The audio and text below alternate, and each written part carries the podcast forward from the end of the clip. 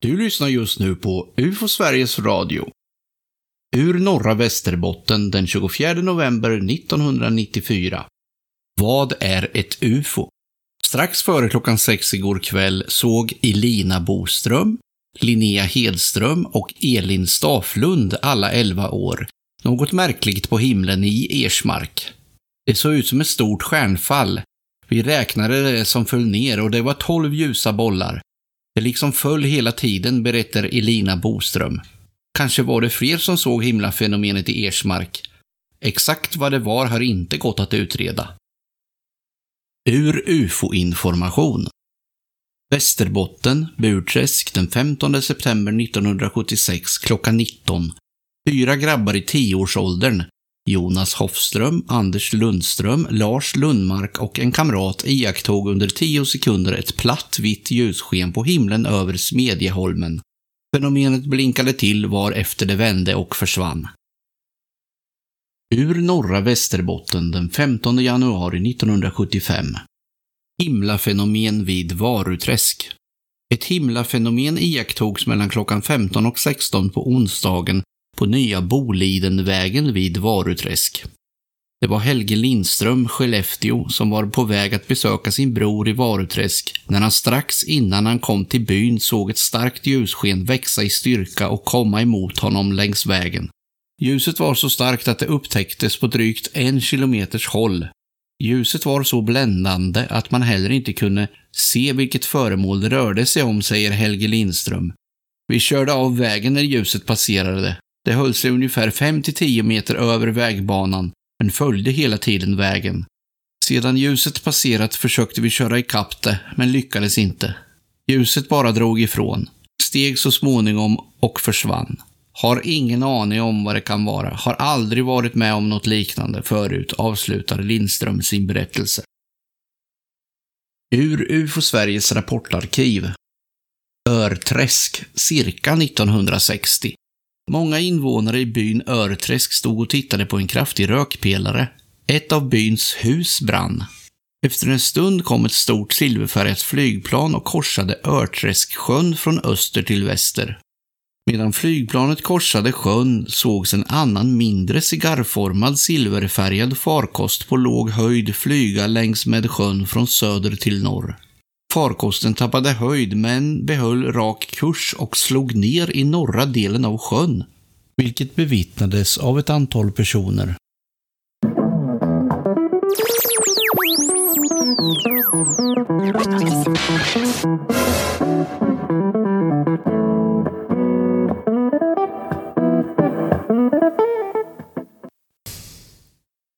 Välkomna till UFO Sveriges Radio, som idag görs av Johan Gustafsson och Tobias Lindgren.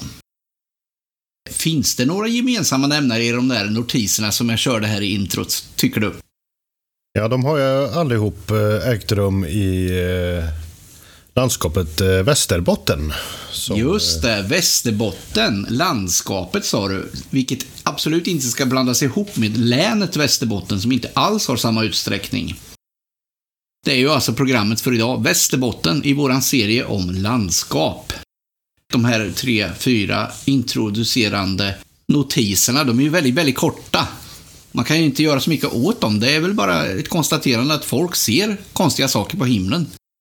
Ja, en del av eh, det material som finns i vårt rapportarkiv är ju faktiskt eh, inte mer än eh, någon notis här och där om en till synes konstig beskrivning, men där man inte har fått in mycket mer eller gjort mycket mer. Så det är nog inte så mycket mer vi kan säga om, om dem i nuläget heller. De är ju i alla fall inte undersökta på något sätt. Det har man inte kunnat göra någon undersökning. Nej, det finns ingen uh, sån uh, redovisad i materialet. Så det verkar inte som att någon har tagit sig an och försökt heller. Och det kan ju vara svårt, som i den här sista här, det som i alla fall för mig liknar en spökraket som störtar i en sjö. En silverfärgad missil liknande sak.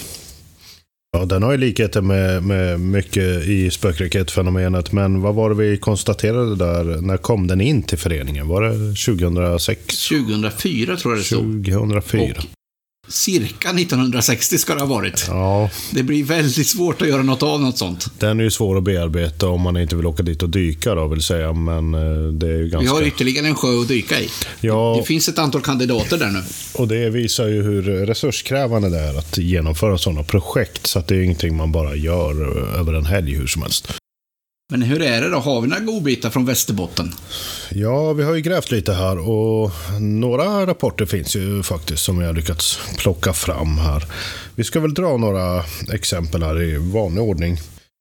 Men eh, det har väl inte varit något direkt överflöd ifrån de där trakterna eh, av intressanta grejer. Landskapet Västerbotten är inte så väldigt stort. Nej, och det finns inte så många stora orter där heller. Vi har uh, Umeå, va, Skellefteå och sen Ja, är det lite, lite smått och gott inåt där.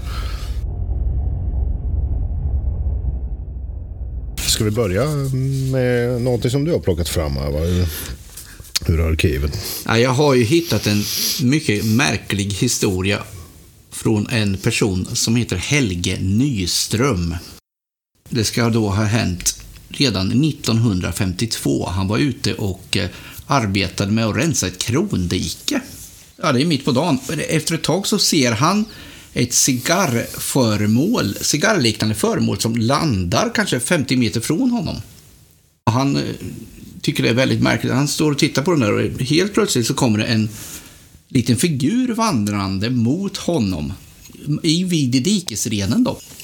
Han har väl inte direkt ännu då kopplat ihop de här sakerna. Figuren ser väldigt konstig ut. Han säger att i närmaste så ser det ut som en fot, en liten gubbe som är en halv meter lång. Han ser ut som en fotboll. Han har som en fotbollsdräkt på sig alltså. Alltså rund, som en boll. Och den här lilla figuren då får syn på Helge. Då, då blir han upprörd och springer jättefort fram till cigarren. Då säger Helge då att han hör som ett sprängskott. Det smäller till alltså. Och den lille mystiska fotbollsmannen är borta. Cigarren är helt borta. Så då springer han fram till platsen där det är ju bara typ 50 meter ifrån det här diket där han, har, han gömde sig lite i diket där då, där han höll på och jobbade. Men och för att se om det fanns några, några spår, vilket det borde vi göra, tycker han. Men ingenting. Han ser ingenting. Det är bara borta, men han, han säger också att han är helt övertygad om att det absolut inte var någon synvilla. Så det, han, eh, det, är ingen, det är ingen snack om att det verkligen hände då. Men när han säger bara borta, har den här dragit till väder känner Ja, det, det, han, inte, han hör ju smällen. Ja, Och sen är den väck. okej, så han ser kanske inte själva försvinnandet då? Eller vad? Nej, det, det förtäljer ju inte historien Det heller. går inte att utläsa här. Nej, det gör inte det. Och vad, vad kan man göra någonting? Han, han vill ju då att han ska försöka höra av sig till någon som är flygkunnig, skriver han. Men jag vet inte hur det var på 50-talet. Var det rätt instans? Flygexpert vill han prata med. Fanns det några flygexperter som förstod sig på fotbollsfigurer? Nej, eh, det tvivlar jag väl på. Eh, de flesta som eh, rapporterade på den tiden rapporterade nog till flygvapnet eller till, till, armé, till försvaret.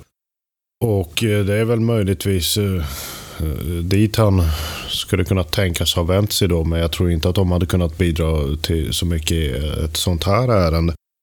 Hur var det med, med den här berättelsen? Den eh, finns ju omskriven här i Norra Västerbotten. Norra Västerbotten, eh, Och det dagstidning. skrevs ju då den 23 november 1964 och det var 12 år efter själva händelsen då. Och den är ju inte precis färsk, den är väl 70 år vid laget här nu. Och hände då i Burträsk, Burträsk, det ligger... eh, tre mil norr tre om mil. Skellefteå då. Ja, just det. Eller sydost står det här nämligen. Vad sa jag norr för? Norr, ja, sydost om Skellefteå. Den har alltså omskrivits eh, 64. Det är eh, sex år innan vår organisation eh, bildas. Då. Ja, Och observationen äger rum betydligt längre före UFO Sveriges bildande än så. Så att den här har ju vi samlat in då i efterhand ur några pressamlingar eller några privata samlingar eller dylikt. Så det är ingenting som vi har haft så lätt att bearbeta heller. Eller ta tag i, även om sånt här går att... det står ju heller här inte i artikeln hur gammal han var när det hände. Nej, precis. Det hade man ju gärna velat veta. Då hade man kanske kunnat, om man vetat om den tidigare, kunnat få tag i honom och snacka med honom lite. Det hade ju varit intressant att höra om den här fotbollsfiguren. Ja, det här hade ju varit eh, intressant att dokumentera närmare och försöka utvärdera så gott det, är möjligt i efterhand. För att här pratar vi ändå om en observation där det inte är så stor sannolikhet att det ska vara eh, fråga om ordinära misstolkningar, utan här är det ju någonting annat som har hänt. Om det är på det viset, Och då skulle det kanske snarare vara något mm, subjektivt av annat slag, mer någon uh, hallucination av någonting. Eller av, av något slag. Va? Han är ju tydlig med att det verkligen inte var det. Ja, nu är ju det... att det inte, han är ju också tydlig med att det inte var ett tefat.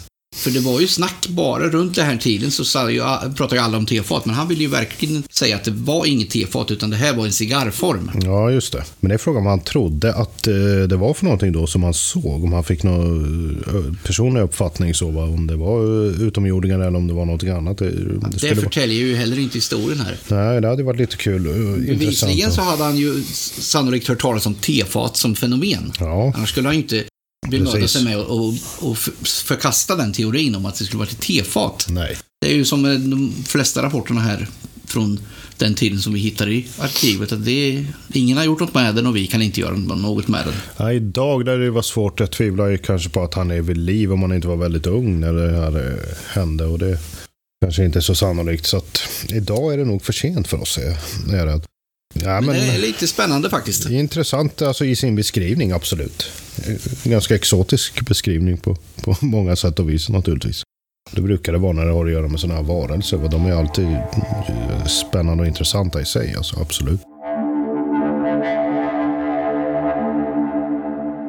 Då hittar jag ett hjul som har rullat över himlen. Ett hjul som en, dam här som heter fru Johansson har sett i orten Jörn. Det är inte lätt för oss som sitter i södra Sverige och har koll på alla de här små orterna. Nej, Långt bort från oss. Jörn, det kan jag inte säga Ja, att jag har. Jörn.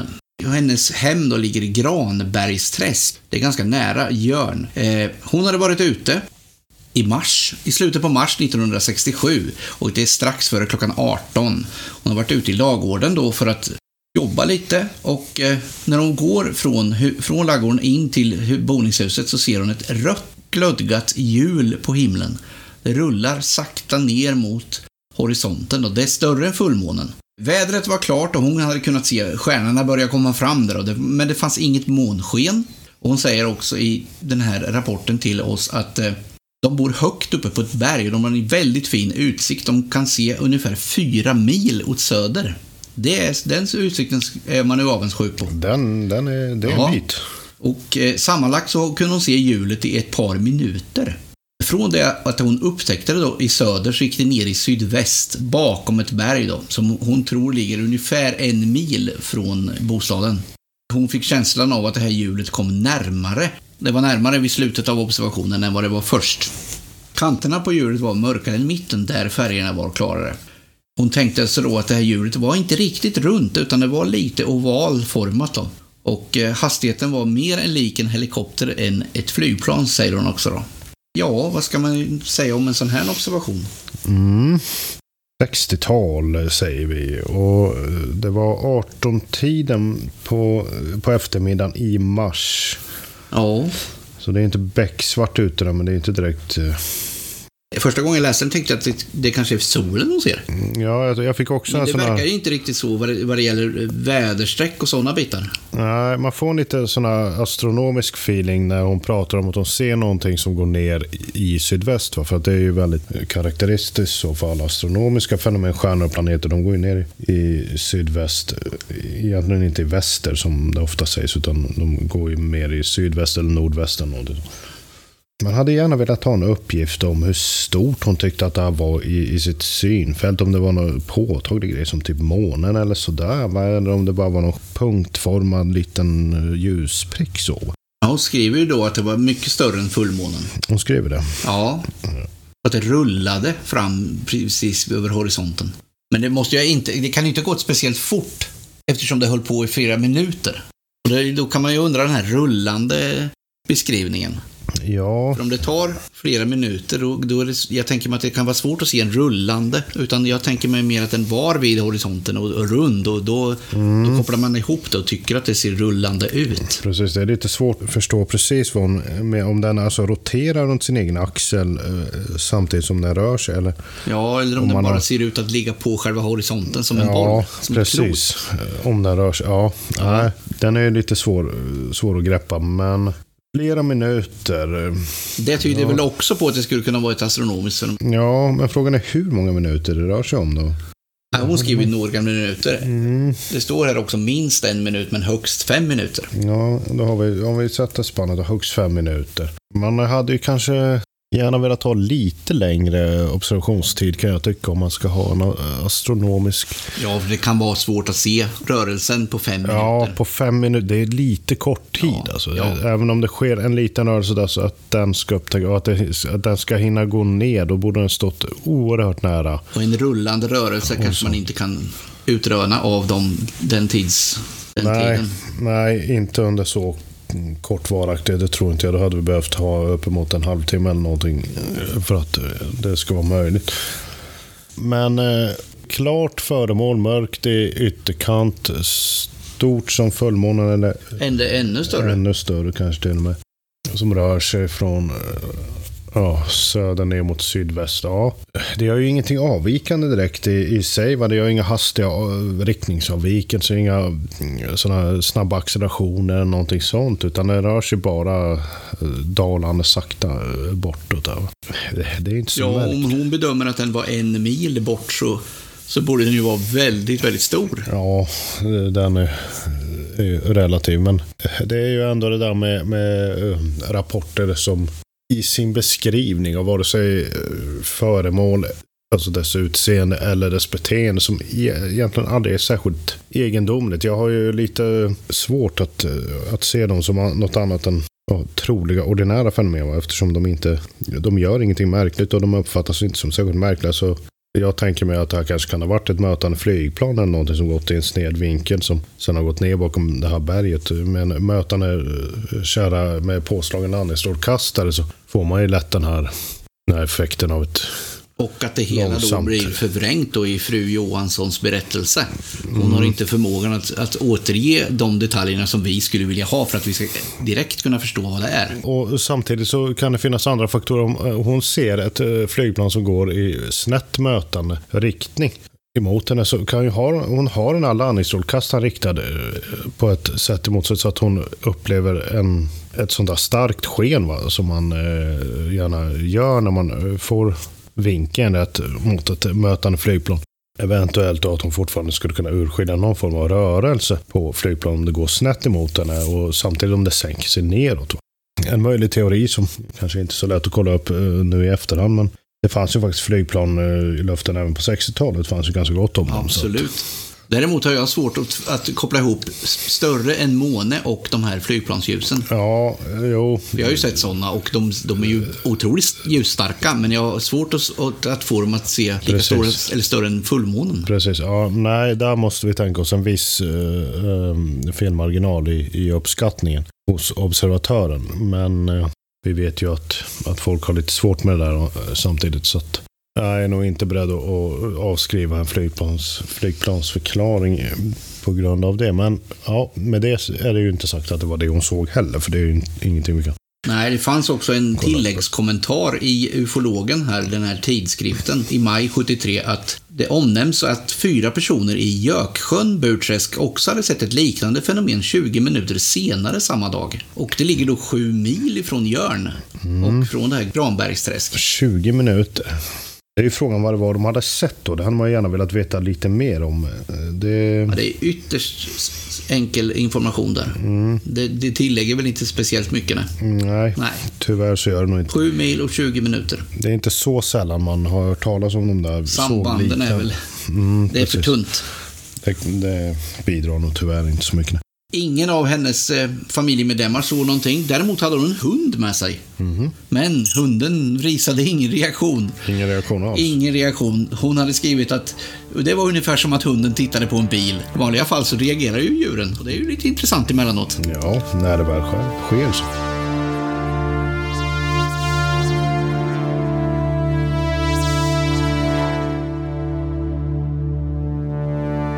Då ska vi till eh, Norsjö. Det är en eh, liten ort, eh, ja, ungefär en 10 mil då, väster om, om Skellefteå, inåt landet. Och eh, det här är den 18 januari då, 1991. Det är en kvinna, hon ska köra till jobbet då, ganska eh, tidigt på morgonen här. Klockan är runt sju snåret, hon ska åka till jobbet i Malå. Smällkall vinter naturligtvis eh, vid de här tiderna på året uppe i Norrland och det är mörkt. Och hon kommer att köra längs den här snötäckta vägen här med eh, höga drivor på, eh, på sidorna. Tänker inte så mycket på saker och ting som det verkar utan får se eh, månen på himlen som lyser väldigt starkt och klart på ett sätt som nästan är lite ovanligt. Men hon tänker först inte så mycket mer på det och kör vidare. Och så kommer hon runt en kurva i vägen och och då får hon se att det där var ju inte alls månen som hon hade sett, utan eh, då ser hon vad det här är för någonting. Och då hänger ett stort klotformat, ett stort ljusklot, eh, som eh, hon beskriver här då, för våra undersökare uppe i, Skellefteå. En bit framför henne hängde ett enormt ljusklot i luften. Precis ovanför trädtopparna. Så var det helt stilla, rakt över vägen och var säkert 15 till 20 meter stort. Eftersom det täckte hela vägens bredd och mer därtill. Den här kvinnan eh, hon blir väldigt rädd då när hon, eh, får se, hon tvärbromsar i bilen. Blir stående där och bara sitter och tittar på den här eh, grejen. Hon eh, säger det att hade hon kört bara en liten bit till då hade hon kommit under det här klotet. Och det här är oerhört ljusstarkt. Det lyser upp vägen och mm, allting runt omkring skriver det här, var att ljuset som strömmade mot henne var så oerhört starkt att hon knappt kunde titta rakt mot klotet och vägen formligen badade i ljus. Hon eh, upplever någon form av eh, effekt här också som eventuellt kan ha varit en paralyserande effekt. Det är lite osäkert men hon eh, beskrivs ha befunnit sig i ett tillstånd som sägs vara nästan paralyserat. Av. Nästan som paralyserad han Erika som hon kallas i den här artikeln, det är inte hennes riktiga namn, tar en god titt på den eh, skrämmande synen. Så hon sitter som nästan limmad i, i sätet på bilen. Och det är precis efter hon hinner, hon får ju stopp på bilen i alla fall. Hon hinner ju stanna bilen, ja, så det är inte att det slår av eh, direkt. Hon sitter där och tittar på den här grejen ett tag och efter en stund så, så händer det en grej som, som hon reagerar eh, väldigt mycket på. Då, och som är lite egendomlig får man ju säga också. Det framgår så här då. Det här var egentligen i, i föregående steg då när hon eh, kommer runt den här kurvan och har bilen riktad rakt emot den här grejen och vad det nu är för någonting. Så står det så här, men innan hon lyckas få stopp hände något som Erika uppfattade som mycket hotfullt. Ljuset från hennes egna bilstrålkastare träffade det främmande föremålet. Varvid detta plötsligt med hennes eget ord blev oroligt. Alltså klotet, eh, ljusfenomen blir som oroligt. Ljuset började pulsera och vrida sig runt samtidigt som det ändrade färg mot varmare gult. Det eh, hade uppfattats som liknande molnen första. Efter en stund så, så släpper den här paralyserande effekten, då, om man ska kalla det så, som det har beskrivits i, i artikeln, hade eh, omskrivit i, i en eh, tidskrift som heter UFO Norr. Det var ju eh, vår lokalförening där uppe eh, på den tiden som gav ut den. Det korta ögonblicket av förtrollning släppte och fylld av skräck slängde Erika in backen och började backa i hög fart. Hon kom dock inte mer än några hundra meter innan hon av misstag vred ratten lite för mycket och hamnade i diket. Ja, står hon där med bilen va, men eh, hon försöker inte ens eh, få upp eh, bilen ur diket utan hon rycker upp dörren och eh, hoppar ut och börjar ju löpa. Hon ska därifrån helt enkelt. Hon är, hon är så himla rädd vid det här eh, läget.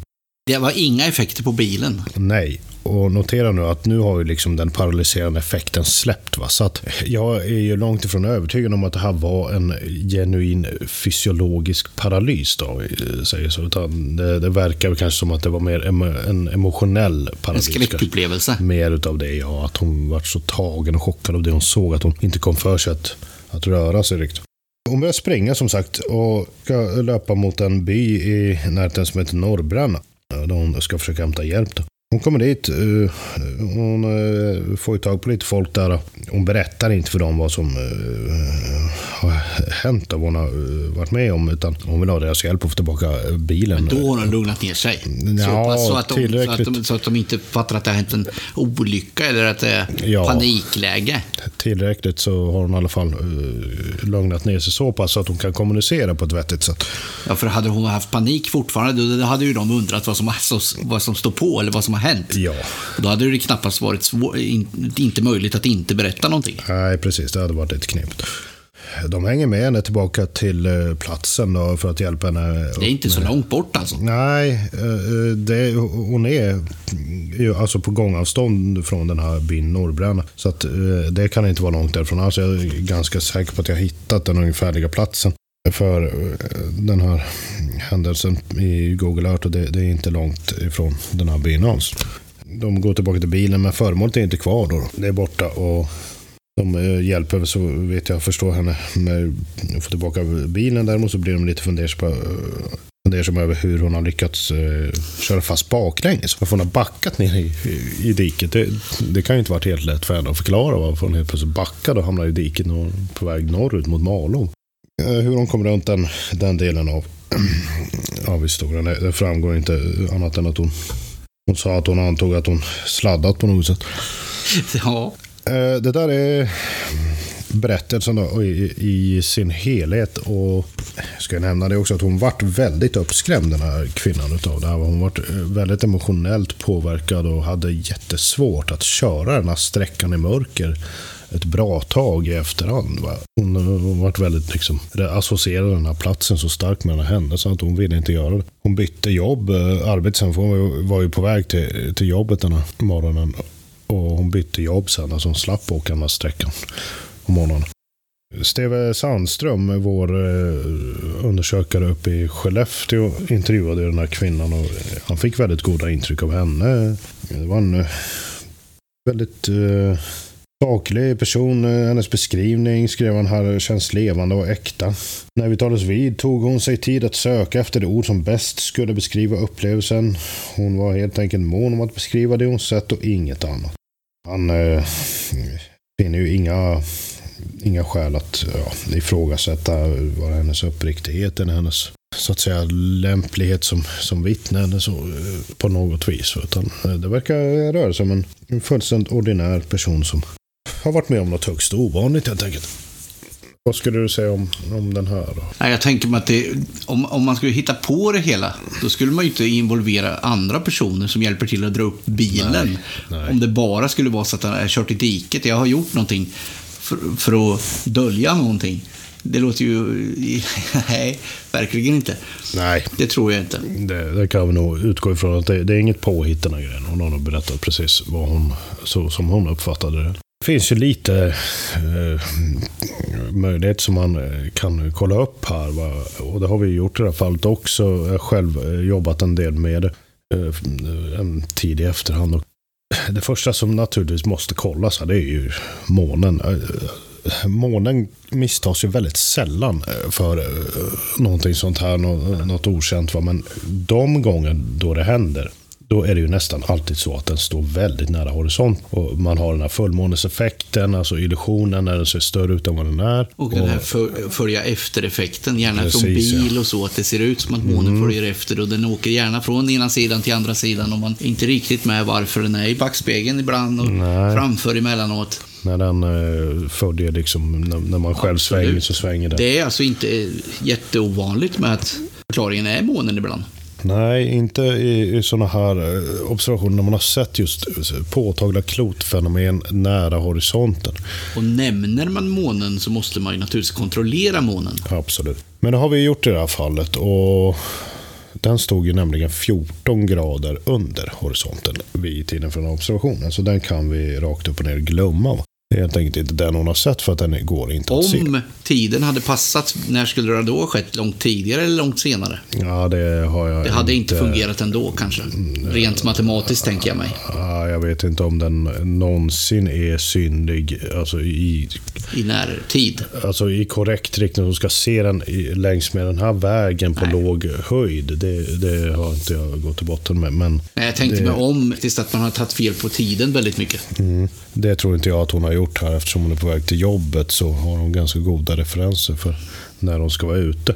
Nej, så att den, eh, den kan vi nog avskriva. En annan eh, teori som slog mig när jag kikade på det här fallet var om hon har sett en, en raketuppskjutning. Vi hade ju åtskilliga ryska raketuppskjutningar. Som de, de sköt ju från Plesetsk, eh, Plesetsk eh, kosmodromen i Arkangelsk mycket eh, på eh, 70-talet. Ja, där ja, se- särskilt 70-talet, även in på 80-talet väl? ja, Gjorde de det så sent som 90-talet? Ja, jag är lite osäker på det. Det kan säkert ha förekommit enstaka exempel, men eh, det är nog så att det taggades ner lite därifrån. Men beskrivningsmässigt, eh, med ett påtagligt starkt ljusfenomen som löser upp eh, mycket, det var inte helt, det är inte helt olikt de här raketuppskjutningarna. Man använder ju ofta barium, sköt upp sådana här bariummoln i atmosfären för att eh, utforska de övre Då var det skikten. mera en forsknings, eh, alltså en teknik för själva forskningen och Ja. inte, inte raketmotorn i sig. Nej, precis. det Eller var- avgaserna från raketerna som expanderar när de kommer upp. Det är väl ofta det som har se- setts Det är det man har över sett Sverige. mycket, Alltså de här effekterna som gör att, att folk ser bläckfiskar och jättestora saker. Och det är ju, man gör ju de här bariumutsläppen också i de här delarna av atmosfären för att eh, göra de här forskningsexperimenten. Och de blir ju solbelysta, blir upplysta av eh, solen på den här höjden. De kan se jättekonstiga ut. Det mm, har vi kontrollerat och jag har, jag har kollat flera sådana sammanställningar av eh, lyckade och misslyckade uppskjutningar av olika slag. Men hur väl i tid måste en uppskjutning stämma för att det ska, man ska kunna säga att det skulle kunna vara möjligt?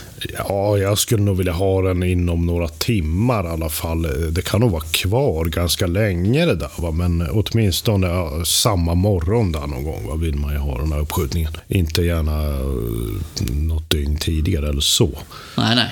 För jag tänker mig att man skjuter upp raketen och sen så måste man, det här bariumexperimentet, det sker alltså i samband med själva uppskjutningen. Det är Ja. inte så att, det blir en, eh, att man skickar upp en rymdsatellit eller något som åker omkring och sen gör experimentet. nej, utan det, det sker ju, så vet jag har förstått, någorlunda i anslutning till uppskjutningen. Man skjuter och så går den här raketen upp och så droppar den här bariummolnet och så, eh, så ligger det kvar där. Den försvinner. Så att det, ett par timmar eh, kan man nog ge eh, spannet, men inte gärna så mycket Hittade du något i listorna där då? Nej, det fanns ingenting från det här, eh, den här tiden som kunde stämma överens. Annars är ju det här området från just Västerbotten ganska nära rent geografiskt och optimalt för att se Ja, de just, ryska raketuppskjutningarna. Åtminstone då, då för tiden. just norra Sverige och Finland var ju eh, särskilt utsatt eh, för, och, ja, eller utsatt utsatt, men drabbades mycket av de här observationerna där man eh, såg just ryska eh, raketuppskjutningar. Ofta har det väl också i samband med att solen går upp i öster och de här molnen lystes då från solen. så att man kunde ja, se. de blir ju solbelysta, det är därför de eh, blir så påtagliga. Och de är så högt upp så att de, eh, de träffas ju av solljuset. Långt innan det blir ljust på marken. Ja, innan, innan gryningen i Sverige då. Men jag har eh, undersökt en annan möjlighet här också. En, en lite mer sån här osä eller outforskad teori som ju finns. För jag har ju jobbat ganska mycket med sådana här eh, rapporter om ljusklot av olika slag. Och en eh, teori som jag jobbade med då när jag eh, kartlade ett antal utvalda svenska rapporter av ljusklot, det var huruvida det går att förklara ett flertal sådana som eh, det man brukar kalla för jordbävningsljus. Det anses ju vara någon form av urladdningsfenomen kan man säga som skulle uppstå i samband med eller före en jordbävning, ett seismiskt utbrott. Om man ser till, eh, till vissa sådana här kriterier som har listats eh, inom eh, den seismologiska studien som har gjorts av sådana här fenomen, då brukar de uppstå kanske upp mot fyra veckor före ett skalv. Ofta så uppträder alltså ljusfenomenet före skalvet, inte efter skalvet. Före eller i samband med skalvet. Och eh, inom gärna 30 mil ungefär från eh, den här platsen där skalvet äger rum. Det, låter mycket, men då ska man ju tänka på vilka oerhörda krafter det, det är vi har att göra med också, när man pratar om eh, jordbävning. Och eh, då visade det sig att eh, 80 kilometer ungefär från eh, den här platsen där kvinnan befann sig, hade vi ett, eh, ett skalv med eh, lite högre magnitud bara 38 timmar efter den här observationen. Så den äger rum alltså näst, ungefär 40 timmar före det här skalvet. Då har man då ponerat att det, det handlar om eh, den här spänningen i, i jordskorpan som äger rum inför de här eh, skalven när de bryter ut en tid senare. Då skulle det kunna eh, ge upphov till vissa sådana här ljusfenomen som uppträder. Det är en teori, den eh, är inte helt glasklar och det här är ett lite omdiskuterat fenomen också. Det är långt ifrån något som kan betraktas som allmänt accepterat. Det finns eh, ganska många rapporter om ljusfenomen i samband med just sånt här, sådana här jordbävningar av olika slag. Både av hög magnitud men också av låg, eh, lägre magnitud. Så det finns ganska mycket som tyder på att någon form av ljusfenomen men de är inte ihop. detekterbara i så god tid så att man skulle kunna sätta upp en kamera eller så? Nej, och i synnerhet så är det så himla svårt att veta vart de kommer äga rum. Alltså en tanke som uppstår eh, med de här ljusfenomenen ur ett rent eh, seismologiskt och samhällsskyddande perspektiv är naturligtvis att man skulle kunna använda sig av eh, observationer av sådana ljusfenomen som ja, en varningsklocka för att Men kan man se något samband med en speciell plats? Jag menar förutsättningar för att det ska hända. Är den, ökar den på ett visst ställe? Nej, du tänker om det finns... Uh, jag ja, tänker mig om, om viss... sammansättningen av jorden precis ja, där det händer. Ja, om det ska, ska till ett visst berg med ett visst material, mm, så. Mm. För att det ska hända, ska bara, chansen ska öka. Nej, det är... Uh, det finns inga, inga begränsningar så, utan det har rapporterats om jordbävningsljus lite varstans. Va? Jag har inte Jag sett... tänker om, man, om, man, om det finns något mönster, om ja. man i statistiken kan se att det finns ett mönster. Du För är det helt det... irrationellt, då blir det ju helt omöjligt. Då blir det svårt. Du tänkte om det liksom i samband med malmfyndigheter ja, eller någonting sånt? Ja, man vet att här är en viss metall, eller mm. en malmkropp i backen på något sätt. Mm. Den rör på sig. Då skulle man kunna, vad heter det, snäva åt området där det här ljusfenomenet skulle kunna uppstå. Ja, nej, jag har inte sett eh, något eh, publicerat material som tyder på, på några sådana fynd. Utan det verkar som att eh, det här fenomenet, om det äger rum, som sagt det är lite omdiskuterat, då, då har det förekommit lite varstans i samband med de här jordbävningarna. Och eh, Men naturligtvis finns det statistik och på alla jordbävningar. Ja, det gör Då skulle man ju i teorin kunna gå tillbaka och kolla om det finns rapporter på ljusfenomen innan de här. Ja, men det är det man har gjort här i de här forskningsrapporterna. Nu har man kartlagt åtskilliga sådana här eh, jordbävningsljus. Det hade ju varit mycket enklare om det var tvärtom, att jordbävningen kom före ljusfenomenet. Ja, eh, det, det gör det ju kanske lite lättare att, att förstå att här har vi en jordbävning och sen kommer ljusfenomen. Men ja, det, det, det beror på lite grann hur man, hur man ser det. Va? det efter att en jordbävning har ägt rum så har ju spänningarna avtagit. Då, då lägger det sig igen. Det är ju före jordbävningen som det är starka Vad spänningar. är det då som gör att innan spänningen släpper producerar ett ljus? Ja, det finns ganska komplicerade teorier om det. som De publicerade en, en forskningsrapport om det här i Seismological Research Ladder för flera år sedan. Men det, det har med spänningsuppbyggnaden att göra. Men det går alltså rent det... fysikaliskt att förstå sig på hur en liten, liten plats blir fylld med ett ljus i förhållande till de här jordbävningarna? Alltså det finns ett samband där som man kan ja, räkna ut eller se. Alltså frågan är ju huruvida just det här fenomenet som har beskrivits här. Ja, I det här skulle, fallet, jag tänker rent allmänt med liknande saker. Mm. man skulle kunna se en, ett samband. Ja, det finns teoretiska modeller för hur det skulle kunna äga rum. Hur det skulle, vad, vad det är som skulle kunna ske. Det, det finns i den här rapporten som jag pratar om. Men de är, inte, de är en- sällsynta. Ja, det är de ju förhållandevis och de verkar vara knutna till eh, huvudsakligen större skalv. De allra flesta skalv som vi har här i Sverige exempelvis, de är ju väldigt låga. Det krävs enorma krafter alltså. Vilka, vilka, var på Richterskalan ska vi... Ja, 3,5 ungefär har de satt gränsen eh, till. eh, Och vi är väl sällan Och, där uppe i Sverige. Ja, det är väldigt sällsynt. Sen eh, kan man naturligtvis tänka sig att det finns undantag för det och det garderar man sig för också inom seismologin. Men eh, det karaktäristiska, det vanliga, det är att de, de förekommer inte i samband med skalv på under 3,5. Det är de slutsatser man dragit i den här rapporten. Sen eh, finns det ju andra som har gjort andra former av liknelse. Michael Persinger, den här eh, kanadensiska neurologen som har kartlagt det som han kallar för eh, eh sådana här ljus i samband med Tectonic Strain Theory, som han eh, har valt att kalla sin teori. Han eh, knyter ju snarare hela till eh, ganska låga skalv och han vill ju också ha ljusfenomen, fenomenens uppkomst. Han, är, han pratar inte bara om ljusfenomen, han pratar om annat som har med elektromagnetisk påverkan på hjärnan att göra också. Men eh, han vill ha det till förflyttningen av den seismiska vågen som rör sig mellan olika e-, epicentrum spänningarna rör sig i backen. Så, så att det, fin- det finns lite olika tolkningar och teorier om, om hur sådana här grejer skulle kunna fungera. Men ingenting är riktigt säkerställt. Va? Så vi kan inte riktigt fastslå att, att eh, den, här, eh, den här teorin stämmer i det här enskilda fallet. Vi skulle behöva ha någon miljard att skicka in till forskningsändamål för det här alltså. Ja, frågan är hur, hur utbrett det här samtidigt är inom seismologi. Jag var i kontakt med seismologer när jag jobbade med de här ljuskloten och jag pratade med en, eller hade medkontakt med en seismolog i Baltikum. Han hade varit eh, seismolog i 25 år vill jag minnas. Och när jag tog upp eh, frågan om jordbävningsljus med honom, det var första gången han hörde talas om det fenomenet. Det är inte så etablerat i, i de kretsarna heller. Det, det är bara vissa i den branschen som, som har valt att ägna sig åt det och de andra verkar inte bry sig lika mycket om det. Det är inte så att det är seismologerna som går in i ufo-branschen, utan tvärtom.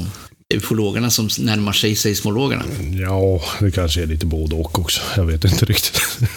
Men det kan, jag tänker mig att det kan vara känsligt att närma sig ufo.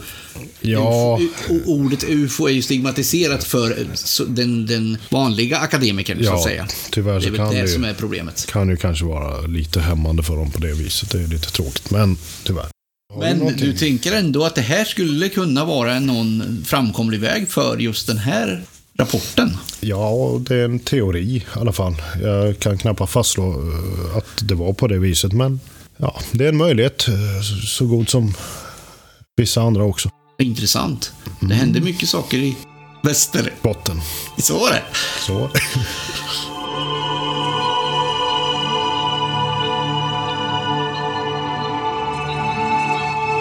Då förflyttar vi oss till eh, våren 1976.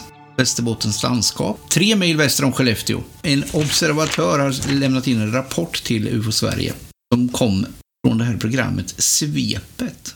Ja, just det. När gick det på tv? Jag tror att det var ett tv-program som gick i slutet på 80-talet. Ett sånt här café-liknande program som ibland tog upp fenomenet UFO. Och vid ett tillfälle så, så frågar man svenska folket efter, efter UFO-rapporter. Ja, just det. Och eh, då helt plötsligt så strömmar det in UFO-rapporter och de då vidarebefordrades till UFO Sverige. Varav det här är en av rapporterna. Den här mannen då, han skriver att han kom körande i sin bil och såg i vägens riktning ett ljus från ett föremål som hängde i luften cirka 50-100 meter ovanför ett hus. Föremålet hade ett mörkt parti med ett svagt skimmer eller strålande sken runt om. Från föremålet gick det en ljusstråle rakt ner mot boningshuset. Jag stannade bilen, skriver han här, och eh, gick ut och tittade. Efter 3-5 minuter så försvann plötsligt föremålet nästan rakt upp. En jättelik rökring som snabbt vidgades och bildades när föremålet lyfte. Helt ljudlöst och lämnade då en känsla av vakuum. Den har vi hört förut. Ja, det har vi gjort. Eh, och och även tagit upp i podden Det här. har vi gjort också. Eh, försvann gjorde det då mycket fort. Tills det bara var en prick, likt en stjärna. Hade vi något eh, specifikt datum här? Eller var det bara på våren? Det är inte allmänt då? Vi har nog ett specifikt datum. 76 04 28. 28 står det där. Och det hade kommit med några tidningsartiklar eh, också. Mystiskt fenomen iakttogs. Då är det Norra Västerbotten som skriver. Den är från eh, 76.04.29, den där artikeln. Vad var det för mystiskt ljusfenomen som observerades bland annat Skellefteå på onsdagskvällen? Ett par Skellefteåbor som befann sig i Bodan, strax utanför staden, kunde vid 22-tiden under några minuter följa ett raketliknande föremål som enligt deras uppfattning steg från marken och upp mot skyn. Föremålet hade en eldkvast med sig med starkt lysande sken. Vi såg det i nordlig riktning, berättar de. Också till F21 i Luleå inkom rapporter under onsdagskvällen om samma iakttagelser, bland annat från Jokkmokk. Vad var det som det kan varit frågan om? Och vi har ingen teori, förklarar en officer vid F21. Den här mannen som skickade in rapporten till UFO Sverige via svepet, och han blev ju även omskriven i lokaltidningarna Ja, då ju... för tiden, när det hände. Precis. Det så det gick ju att fånga upp artiklar om honom. Mm, det finns ju någonting där. Och det var ju orsaken till att vi kunde slå fast datumet där också. För att han, han skickade in sin rapport till, till eh, UFO Sverige till oss. Det gjorde han ju många år senare, 91 den 23 eh, januari tror jag det stod.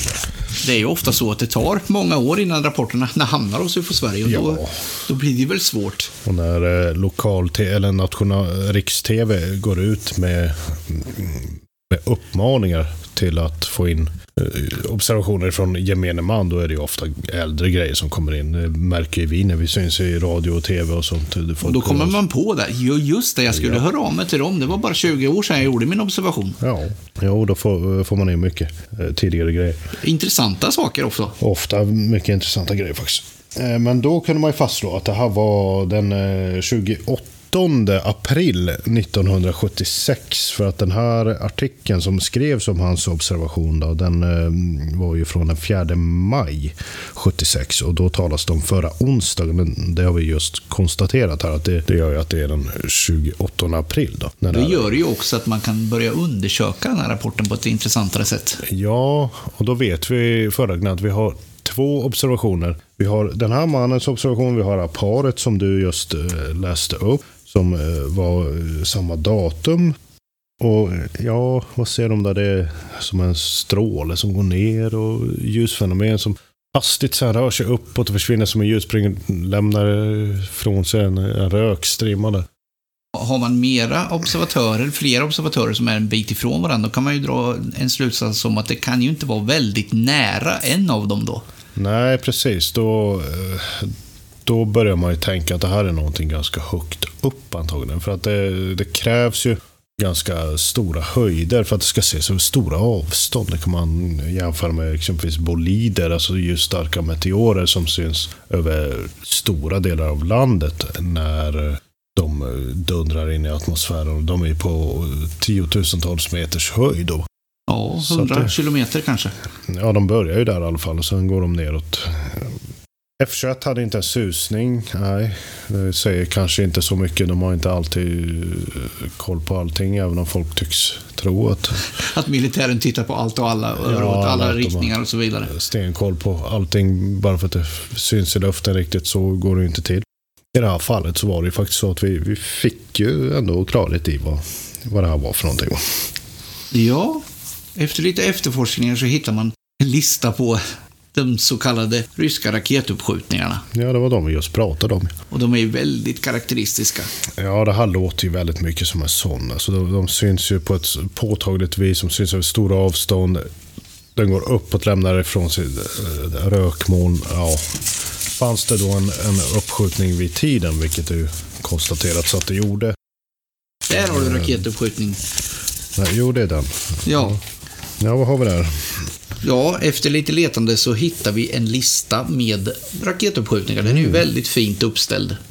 76 04 28. Det är på kvällen där 20.30 till 21.30. Och det är en sån här eh, Intercontinental Ballistic Missile, ICBM, som de har skjutit upp det.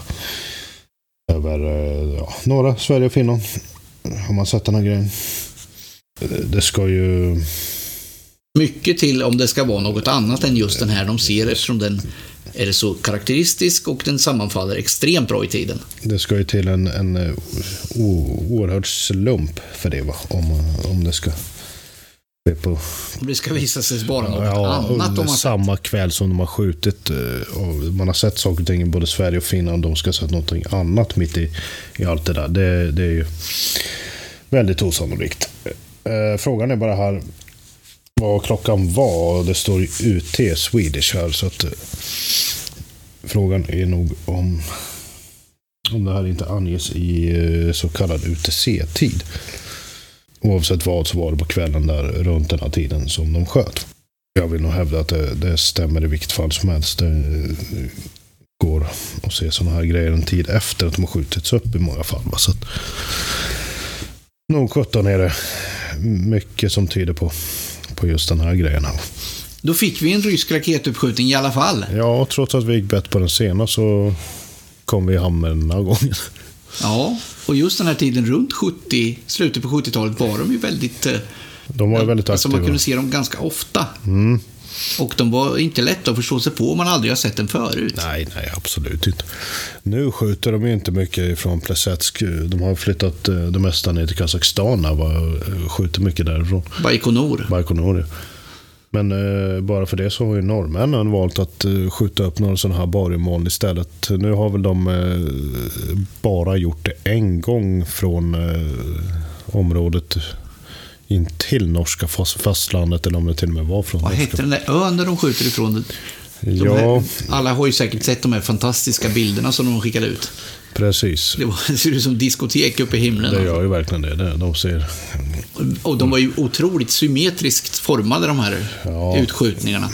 Ja, nej, det var eh, oerhört påtagligt fascinerande fenomen. Andöja.